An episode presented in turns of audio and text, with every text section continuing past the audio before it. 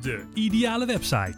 De podcast waar je inspiratie krijgt en leert hoe ook jij met behulp van online marketing een website kunt maken die voor je werkt.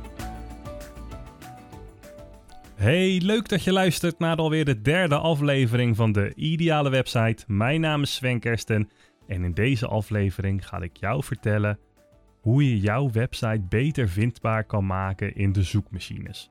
Denk aan Google, denk aan Bing, misschien Yahoo, maar over het algemeen focussen we ons altijd op, uh, op Google. En Bing is meestal een beetje het vergeten kindje, maar die moet je ook zeker niet vergeten. Want je iPhone, je tablet, alle Apple-spullen, als je daar een spraakzoekopdracht in doet met Siri, dan gaat dat eigenlijk op de achtergrond naar Bing. Dus vergeet die niet. Maar daarover later in een uh, andere aflevering. Wat ik je nu wil vertellen is dat jouw website op dit moment vast niet zo goed gevonden wordt dan dat je eigenlijk zou willen. Anders zou jij niet luisteren naar deze podcast. Om jouw website beter vindbaar te maken in Google um, moet je eigenlijk rekening houden met meerdere aspecten. En ja, het totale plaatje, zoals ik altijd zeg. En een onderdeel van dit totale plaatje, dat is de SEO, je online zichtbaarheid, je SEO, oftewel Search Engine Optimization. Bij SEO komen dan dus meerdere dingen kijken, zoals je, je H1-tags of de alt-tags van je afbeeldingen goed zijn, etc. Nou, hierover zometeen meer. Je moet ook letten op je prestaties en de veiligheid van je website. Dus hoe presteert jouw website? Is die snel met laden? Want als een bezoeker op jouw website komt, binnen twee seconden moet je die aandacht pakken en binnen twee seconden moet je ze overtuigen dat ze bij jou op het juiste adres zijn en dat jij die oplossing biedt voor het probleem van jouw bezoeker, je potentiële klant. En je veiligheid, dat betekent, uh, heb je een slotje op je website? Heb je goed nagedacht over alle andere aspecten van veiligheid? Nou, hier later ook zo meteen meer. Want wat ik je nu wil vertellen is hoe belangrijk het is om goede teksten te hebben op jouw website. Teksten waar je hebt nagedacht over de zoekwoorden en dat die die teksten op jouw website één grote consistente opmaak hebben. Dus de koppen en de, en de teksten en de afbeeldingen, dat alles op iedere pagina er een beetje hetzelfde uitziet. Zodat een bezoeker niet op iedere pagina opnieuw het wiel van jouw website hoeft uit te vinden om te kijken waar vind ik nu het antwoord naar waar ik naar op zoek ben. Laat ik nu eens met jou de stappen doornemen die je uit moet voeren bij een goed um, SEO-onderzoek voor je eigen website. Dat de dingen waar je allemaal op moet letten. Nou, we beginnen dus met de gebruikerservaring. Het optimaliseren van de gebruikerservaring en het ontwerp van je website, dat is een strategisch proces. Nou, in dit proces optimaliseer je dan uh, de, de visuele elementen, de functionele eigenschappen en de toegankelijkheid van je website om ervoor te zorgen dat je website gebruiksvriendelijk en intuïtief te gebruiken is op alle apparaten. Nou, dat is een hele mond vol. Waar het op neerkomt is dat je moet kijken of je een, heb je wel echt een professioneel webdesign? Klopt het aan alle kanten? Is je padding en je margin, is dat aan alle kanten, is dat goed? Of is de ene, schiet de ene kant meer uit dan de andere kant? Het totale plaatje, ja, dat, dat moet gewoon kloppen. Heb je dus ook op je pagina de juiste koppen en paginateksten staan? Nou, een kop die moet de aandacht trekken en de tekst op je pagina die moet duidelijk en to the point zijn. Ze moeten duidelijk maken wat je doet, voor wie je doet en waarom die bezoeker nu klant moet worden bij jou. Het beste wat je daarmee kan doen is samenwerken met een goede tekstschrijver. Zoek met name iemand die veel ervaring heeft met het schrijven van webteksten. Iemand die weet hoe die een zoekwoordenonderzoek moet uitvoeren en weet hoe die dat zoekwoordenonderzoek moet toepassen op jouw website. Hier komt ook bij kijken dat de juiste koppen en paginatekst op je website moeten komen. En die koppen die zijn het eigenlijk nog wel het belangrijkste van je hele website. Want iedereen die naar een website gaat, die skimt er eigenlijk een beetje doorheen. Die, die scrolt naar beneden en die leest alleen de koppen. En zodra hij een kop ziet die hem aanspreekt, dan denkt hij: Oké, dit is het stukje waar ik informatie over wil hebben. Laat ik eens de tekst lezen die eronder staat. Nou, zorgt er natuurlijk ook voor dat die tekst dan niet te lang is. Want als een tekst te lang is, dan wordt men uh, lettermoe. En dan kijkt hij naar de tekst en dan denkt hij, oh, kijk wel even verder. Het is gewoon belangrijk dat het kort en overzichtelijk is, maar wel krachtig. Wat ook belangrijk is, is dat je kijkt naar de mobielvriendelijkheid van je eigen website. Bezoekers brengen gemiddeld meer dan de helft van hun online tijd door op mobiele apparaten. Dus dat betekent dat het belangrijk is dat je website volledig geschikt is voor die mobiele apparaten. Denk hier aan een uh, smartphone, weet je, wel, je mobiele telefoon of een, of een uh, iPad, tablet, whatever. Die apparaten die hebben allemaal verschillende grote beeldschermen. En op het moment dat je een website niet mobielvriendelijk maakt en jouw website die wordt geladen op een telefoon, dan zal betekenen dat jouw hele website ja, verkleind wordt die gaat krimpen naar het formaat van jouw beeldscherm. En dat betekent ook dat die letters daarmee kleiner worden. Niemand die jouw website meer kan zien. Tien jaar geleden, als je een website bekeek op een, uh, op een telefoon, dan moest je op de pagina moest je gaan uh, zoomen om te kijken wat daar nou precies stond. En naast het zoomen moest je ook alles heen en weer bewegen. En verschrikkelijk. Nou, maak je website dus mobielvriendelijk, dan betekent dit dat je je website responsive maakt. Dat wil zeggen dat jouw website bestaat uit blokken en naarmate het beeldscherm kleiner wordt, dan schuiven die blokken eigenlijk langzaam onder elkaar en worden ze netjes getoond.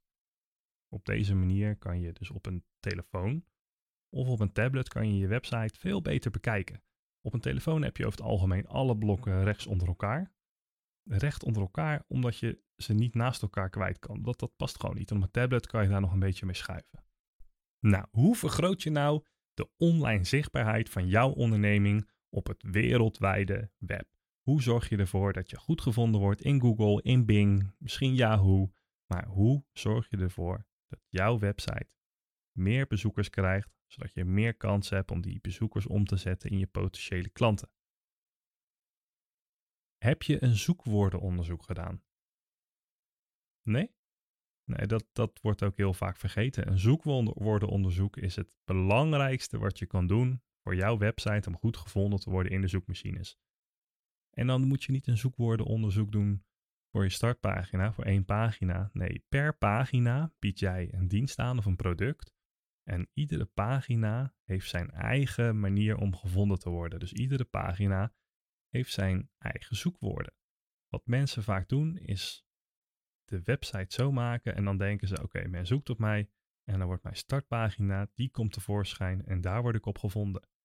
Jouw website heeft als het goed is veel meer pagina's.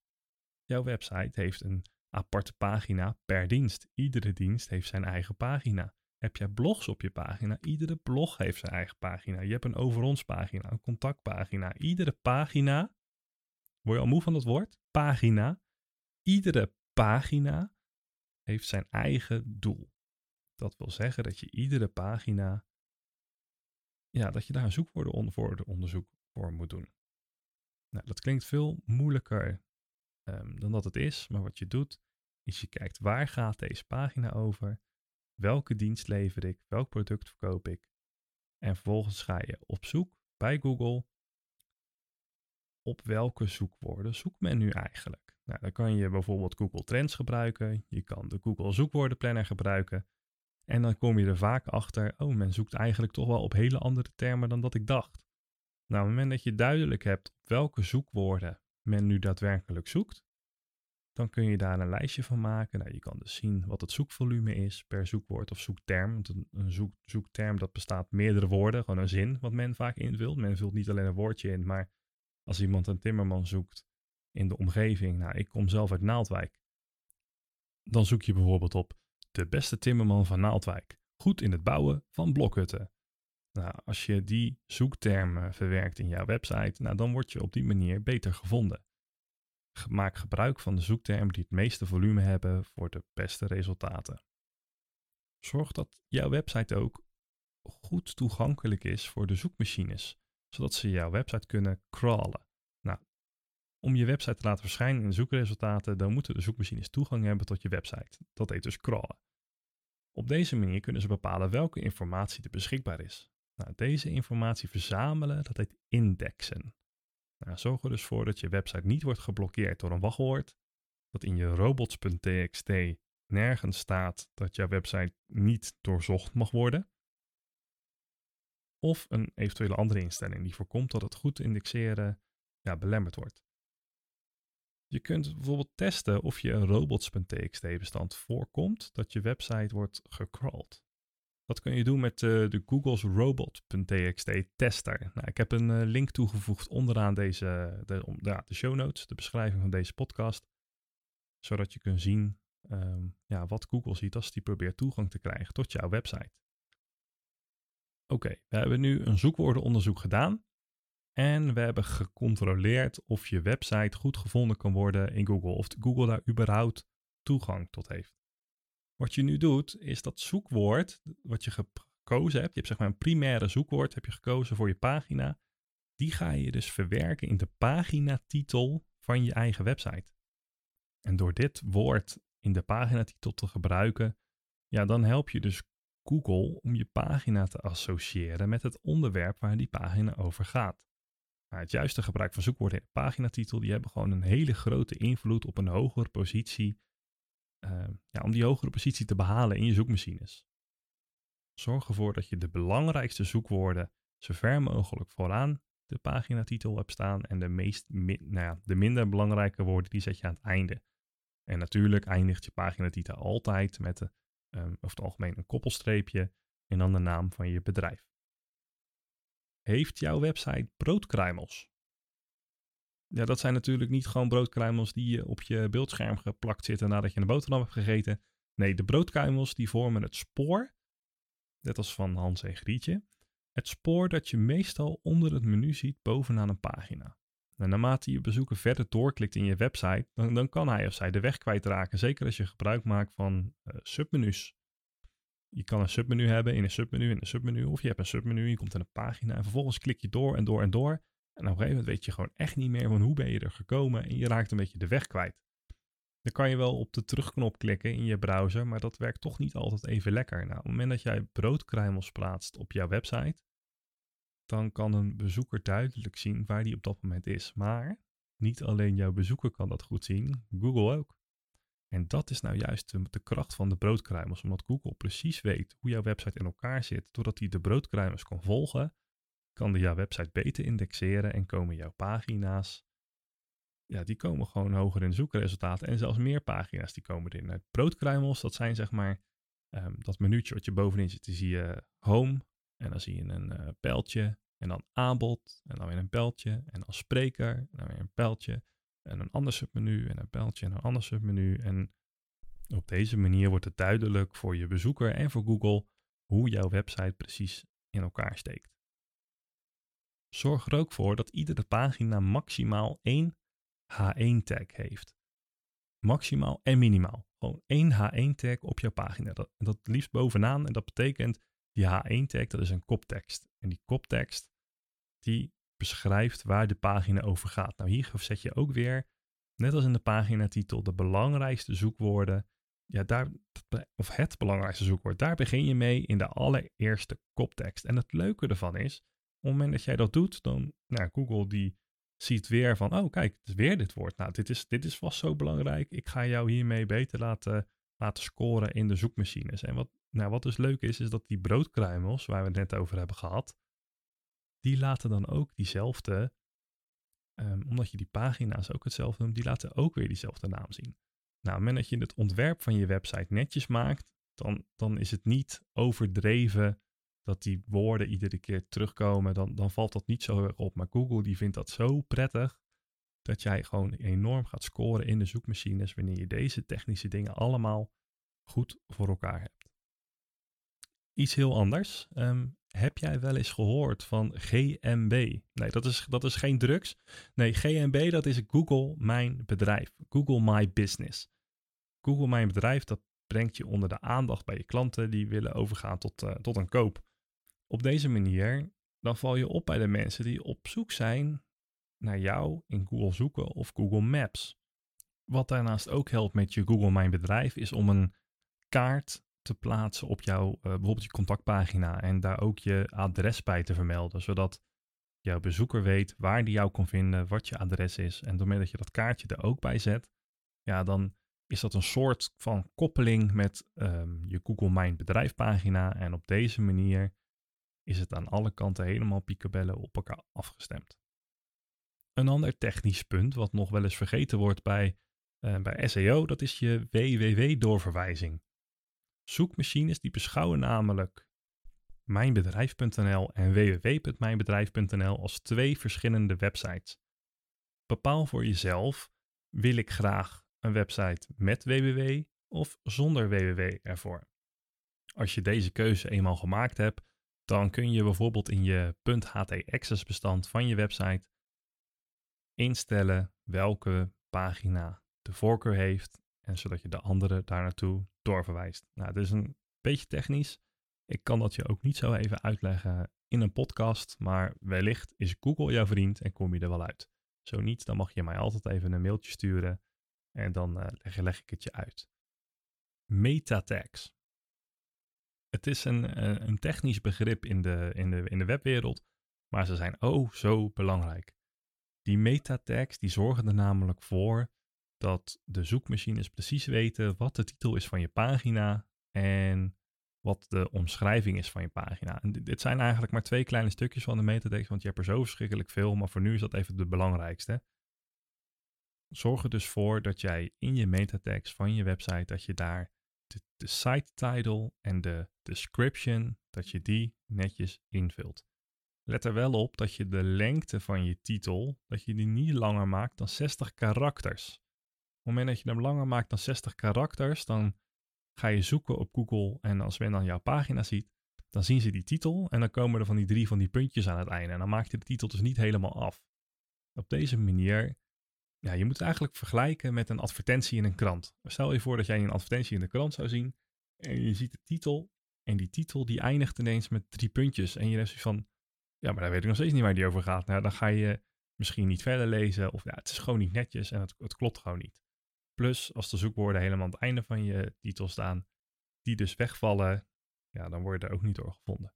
Dus zorg ervoor dat je maximaal 60 karakters gebruikt in de titel van je website. En let daarbij op, de naam van je bedrijf en het koppelstreepje.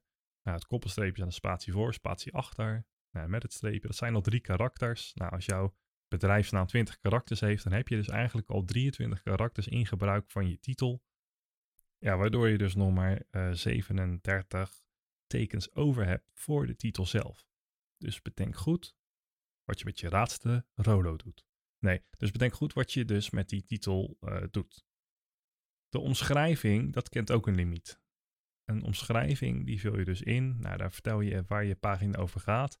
En het beste wat je kan doen is in die omschrijving ook Ehm, ja, die zoekwoorden in te gaan vermelden. Want wanneer die zoekwoorden waar men op zoekt in je titel voorkomen en ook in je omschrijving, dan is het, uh, nou, Google die vindt dat allemaal prettig, maar op het moment dat iemand iets zoekt in Google en die zoekwoorden die komen dus terug in de titel, ja, dan is dat een bevestiging van hé, ik zoek hiernaar en iemand anders heeft datzelfde woord daar staan. Dus dat is de informatie die ik nodig heb. Nou, hetzelfde geldt ook voor de omschrijving. Wanneer daar dezelfde zoekwoorden naar voren komen, dan zal men sneller geneigd zijn om door te klikken, omdat het een bevestiging geeft naar waar die persoon naar zoekt via de zoekmachines.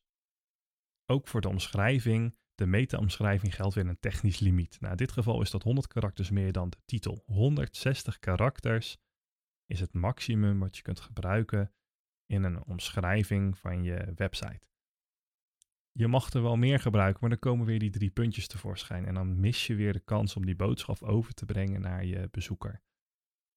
Hoe weet Google nou welke pagina's ik allemaal heb op mijn website? Hoe komt hij daarachter? Nou, je kan Google daar een handje bij helpen door een sitemap.xml bestand aan te maken. Een sitemap, dat is een bestand met een lijst van alle pagina's op je website, waarmee je Google, of in ieder geval de zoekmachines, kan helpen om eenvoudig al je pagina's te vinden. Nou, die sitemap die wordt over het algemeen automatisch gegenereerd door een willekeurige SEO-plugin die je gebruikt. En of dat nou uh, Yoast is, um, Rank Math, misschien SEO Press. Er zijn zoveel verschillende SEO-tools en ze genereren allemaal een sitemap. Wat je vervolgens doet, is die URL, dus de sitemap URL, toevoegen in je Google Search Console of bij Bing. Op het moment dat je die toevoegt, dan gaat Google je sitemap controleren of dat die klopt. En dan weet hij precies hoe jouw hele website in elkaar steekt en kan die op die manier jouw website nog beter crawlen.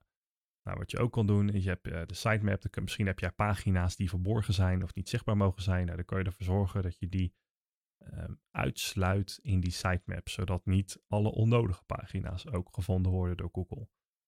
Bijvoorbeeld, als jij in WordPress een afbeelding uploadt, dan kan het zo zijn dat die afbeelding een eigen pagina krijgt als jij niet instelt dat je graag wil dat die afbeelding um, een redirect krijgt. Nou, al die pagina's met al die afbeeldingen, die hoef jij niet te hebben in Google. Want dat maakt het alleen maar onnodig verwarrend voor een bezoeker als ze op zo'n pagina terechtkomen. Dus die XML sitemap um, genereren met je SEO tool en koppel hem in je Google Search Console, zodat jouw website van top tot teen goed gevonden kan worden. Ja, je merkt nu al dat je website beter vindbaar maken in de zoekmachines, dat dat best wel een tijderover intensieve klus is. Wat men namelijk ook vaak vergeet, is dat alle afbeeldingen op jouw website, dat dat afbeeldingen zijn waar Google niet zo, zo deer woorden aan koppelt. Nou, hier hebben we de alt-attribuut voor gemaakt. Dit stukje websitecode wordt gebruikt om blinden en slechtzienden te vertellen waar een afbeelding over gaat. Het maakt het ook zo dat de zoekmachines kunnen begrijpen waarom je een bepaalde afbeelding gebruikt. Dus voeg die alt-attribuut toe aan je afbeeldingen tag. Dat kan je bij WordPress in de media doen, zodat die afbeeldingen ook de zoekwoorden bevat die relevant zijn voor die pagina. Nou, op deze manier wordt jouw website weer wat beter gevonden. Heb je wel eens gezocht in Google? Dat neem ik aan van wel. En dan zie je vervolgens dat er een, uh, ja, dat er een stukje wordt uitgelicht van die website. Je ziet bijvoorbeeld een FAQ ineens naar boven komen, een vraag en antwoord, waar je in Google doorheen kan klikken. Of je ziet zelfs een, uh, een, een restaurantmenu op een website staan. En dan kan je via Google zie, kan je er al doorheen bladeren zonder dat je überhaupt naar die website toe hoeft te gaan. Nou, dat kun je voor elkaar krijgen met een schema markup. Een schema markup code dat, dat helpt bezoekmachines meer informatieve resultaten over je bedrijf te presenteren aan je gebruikers. Nou, als je dit goed gebruikt, dan kan dat echt een boost geven aan je ranking in de zoekmachines. Nou, je kan hiervoor een uh, plugin gebruiken, maar je kan ook je, je webdesigner schema tekst laten implementeren in je website. Nou, test en valideer dat schema vervolgens met Google's Structured Data Testing Tool. Ja, ik zal een uh, link hiernaar plaatsen in de show notes, in de omschrijving van deze podcast, zodat jij zelf je website kan bekijken of het al geïmplementeerd is en zo niet, dan kun je dat doen. Wat ook vergelijkbaar is met die rich snippets, dat is bijvoorbeeld je Open Graph. Als je Open Graph tekst gebruikt op je website, dan kun je beïnvloeden hoe en welke inhoud verschijnt op social media, als uh, Facebook en Twitter. Dus als iemand een link naar jouw website deelt, dan kan je daarin een afbeelding meegeven en een titel en een stukje omschrijving. En jij kan dus bepalen welke titel en omschrijving dat dan is. Op die manier zal jouw website, wanneer die gedeeld wordt, veel duidelijker zijn op Facebook of op Twitter wanneer die gedeeld wordt. Dus je beïnvloedt daarmee eigenlijk hoe jouw advertentie zichtbaar is. Dit is dus ook met name belangrijk voor de blogs die je op je pagina hebt. Want met een effectieve blog kun je je positie in de zoekmachines verbeteren en zorgen voor meer verkeer naar je website. En op deze manier profileer je jezelf echt als marktleider en krijg je meer leads en meer klanten. Dus op het moment dat jij blogs op jouw website zet waarin jij structureel vertelt um, over een bepaald onderwerp. Nou, ik zou bijvoorbeeld kunnen zeggen van joh, dat hele rich snippet stuk, dat is zo uitgebreid, daar kan ik zoveel over vertellen. Nou, daar zou ik dan een een blog aan kunnen toewijden. En in die blog jou helemaal meenemen in die wereld met de juiste links en waar je op moet letten en welke tools je het beste kunt gebruiken, betaald of gratis. Zorg er dan ook voor dat die blogpagina's voldoende woorden bevatten. En dat geldt tevens voor je alle andere pagina's op je website. Zoekmachines die zoeken namelijk pagina's die relevant en unieke inhoud bevatten die het beste aansluit bij de zoekopdracht ja, van die ene gebruiker. Zorg ervoor dat de inhoud van je pagina relevant is. En maak hiervan gebruik van een minimaal aantal zoekwoorden. Nou, is hier niet echt een technisch gegeven van waarin men zegt: dit is het aantal woorden dat je pagina moet hebben. Maar als je in de statistiek kijkt, bijvoorbeeld bij uh, SEMrush of Backlingo, dan zul je zien dat langere teksten beter ranken in de Google zoekresultaten. Als je naar de eerste pagina van de zoekresultaten kijkt, gemiddeld, hè, dus je doet een zoekopdracht en als je daar 20 eh, zoekopdrachten doet, als je dan iedere keer de eerste pagina bekijkt, dan zul je zien dat die gemiddeld uit 1890 woorden bestaan. Nou, dat is een, ehm, een studie die is gedaan. Daar hebben ze gekeken van oké, wat zijn nou, uh, hoe, hoe, werkt het nou precies?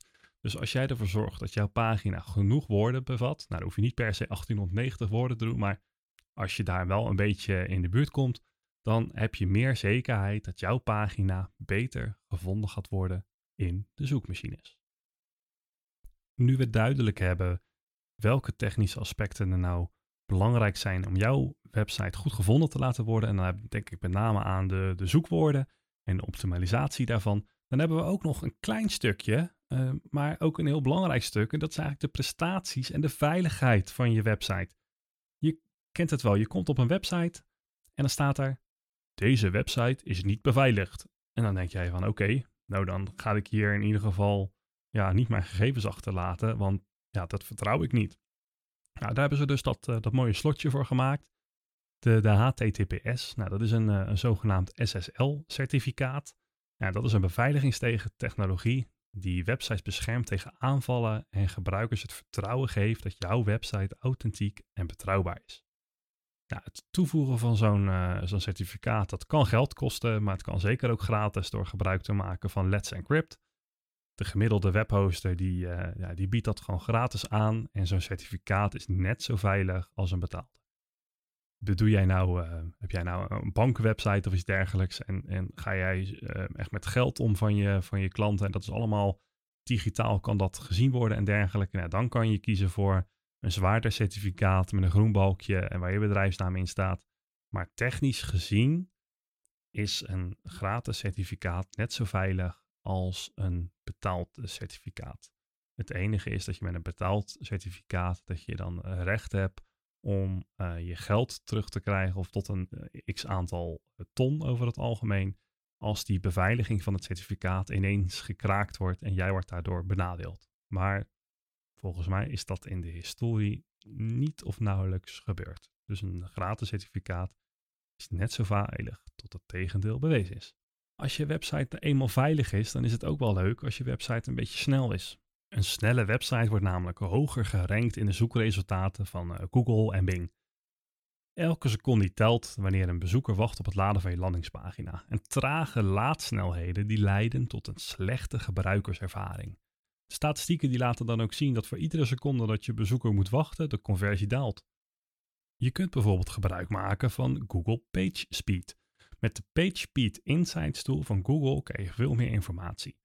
Over het algemeen zijn de testen van Google zelf een beetje discutabel, vind ik. Dus het, is, het, nou ja, het kan geen kwaad om ook gebruik te maken van andere tools. Bijvoorbeeld GTmetrix of Pingdom. Nou, ik maak zelf persoonlijk gebruik van GTmetrix, omdat hij er net even wat eerlijker naar kijkt. En de scores um, ja, meerdere vlakken laat zien. Je kijkt voor meerdere kanten kan je dan kijken naar de berekeningen, hoe ze je website, hoe snel het is en waar je op moet letten. En je krijgt net even wat meer informatie in plaats van de informatie die je van Google krijgt om maar naar de pijpen van Google te dansen. Nee, op het moment dat je GTmetrix gebruikt of Pingdom, dan kan je precies zien hoe snel je website is, waar is die traag. Je ziet netjes de waterval, je kan zien welke punten in je website zorgen dat je website trager worden. Ja, en het is niet voor de gemiddelde leek weggelegd om dat soort dingen op te lossen. Maar je kan wel een inzicht krijgen in hoe snel is mijn website. Je krijgt namelijk een, eh, een Amerikaans cijfer. Nou, krijg je een A, dan is je website helemaal top. B wat minder, C nog minder. Nou, als je een nog lagere score hebt, dan moet je echt wel ergens aan de bel gaan trekken. Maar dan kan je in ieder geval voor jezelf zien, is mijn website snel en is daar een verbetering nodig? Nou, vervolgens vraag je aan je webdesigner, kan jij mijn website sneller maken? Ik heb namelijk op deze website van GTmetrix of PageSpeed Insights van Google heb ik gekeken. En ik zie dat die gewoon niet snel genoeg is en er zijn verbeterpunten. Wat kun je voor mij doen? Nou, op die manier kan je een plan maken en kan je je website sneller maken. En een snellere website, die zal jouw conversie gaan verhogen en meer bezoekers omzetten naar klanten.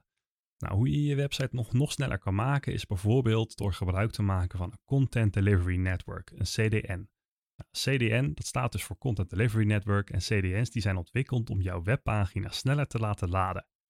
Dit werkt doordat het de informatie van je website cached, dus die bewaart die in zijn geheugen en die bestelt die beschikbaar vanaf een server die fysiek in de buurt staat van je bezoeker.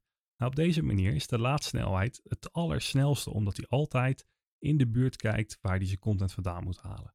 Nou, snellere laadtijden die leiden dus tot een betere gebruikerservaring en een betere SEO en zijn dus ja, conversieverhogend. Nou, informeer bij je webontwikkelaar over de beste manier om een CDN te implementeren, zodat, ja, zodat je altijd de beste keuze maakt. Je kan bijvoorbeeld kiezen voor Google Cloud CDN of uh, Keys CDN, Max CDN. Er zijn er talloze verschillende, ieder met zijn eigen voordelen en een eigen prijs. Nou, voor een paar cent per gigabyte heb jij al een hele snelle website. Oké, resume. Nou, ik begrijp, dit is heel veel informatie geweest die ik jou heb verteld in deze podcast. Ik, in mijn volgende podcast is het ook de bedoeling dat ik een uh, stukje ga pakken uit wat ik je nu heb geleerd en dat ik dat beter ga toelichten, dat ik daar meer uitgebreid over kan gaan vertellen. In deze podcast hebben we het nu dus gehad over hoe je je website beter gevonden kan laten worden door je robots.txt te controleren. Maar ook dat je een zoekwoordenonderzoek moet doen. En die dat zoekwoordenonderzoek, daar komen dan woorden uit. En het primaire zoekwoord, wat gaat over de pagina waar je eigenlijk gratis voor gaat adverteren, dat moet je dus gebruiken in je metatitel, waar je ook je handelsnaam in vermeldt. Maar je gebruikt dat zoekwoord ook in je meta-omschrijving, in de H1-tag, in de alt-text van je afbeeldingen en natuurlijk in je content. Nou, zorg ervoor dat die metatekst zich houden aan de karakterlimieten van 60 karakters per titel en 160 karakters voor je omschrijving. Implementeer ook je broodkruimels, zodat niemand de weg kwijt kan raken. Maak een Google Mijn Bedrijf pagina aan, zodat men je ook daar kan vinden. Maak een keuze uit www of zonder www voor je website. Configureer je sitemap.xml en koppel deze aan Google Search Console, zodat Google precies weet hoe jouw website in elkaar steekt. Implementeer je schema markups zodat Google jouw website kan uitlichten, maar vergeet ook je Open Graph niet voor je social media. Schrijf ook blogs en veel pagina's met goede content en genoeg woorden. Houd je website veilig met een slotje en zorg dat je website snel is door deze te optimaliseren en gebruik te maken van een CDN. Mijn naam is Sven Kersten en ik wil je hartelijk danken voor je tijd, voor het luisteren naar alweer de derde aflevering van deze podcast, De Ideale Website. Het is nog een klein beetje onwennig allemaal, maar ik hoop dat jij iets hebt geleerd van de informatie die ik je net heb gegeven.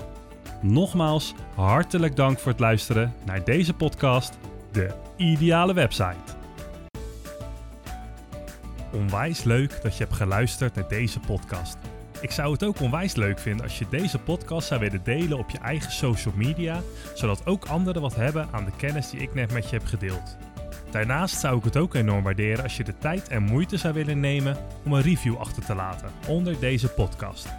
Biedt jouw app deze mogelijkheid niet? Klik dan op de recensielink onder in de omschrijving van deze podcast en schrijf iets leuks. Voor nu bedankt voor je tijd en je hoort mij weer in de volgende podcast, de ideale website.